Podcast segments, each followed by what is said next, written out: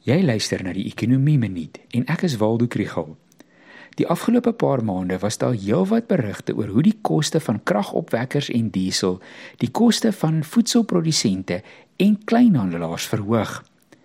Dit verhoog produsenteprysinflasie en 'n deel daarvan bereik verbruikers wat reeds nou strop trek.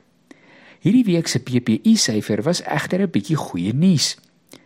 Hierdie episode word ondersteun deur Predictive Insights en die NWI Sakeskool. Produsenteprysinflasie het afgeneem vanaf 12,2% in Februarie tot 10,6% in Maart. Die produsentepryse van kooks, chemikalieë, rubber en plastiekprodukte het die meeste toegeneem. Die pryse van voedselprodukte, drankies en tabakprodukte het jaar op jaar met 8,1% gestyg. Die PPI vir landbou, bosbou en visserye het met 7,5% gestyg in Maart teenoor 14,2% in Februarie. Die maand-op-maand verandering vir landbou was -2,5 persentasiepunte.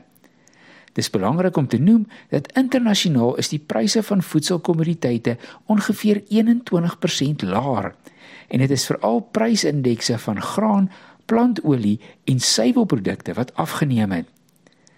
Dit alles is goeie nuus vir inflasie vooruitsigte. Wat aan die verbruikerskant gebeur in die maande wat voorlê, gaan afhang van die olieprys en die rand-dollar wisselkoers. Op die oomblik lyk dit of die dieselprys volgende week met 50 sent per liter gaan afneem.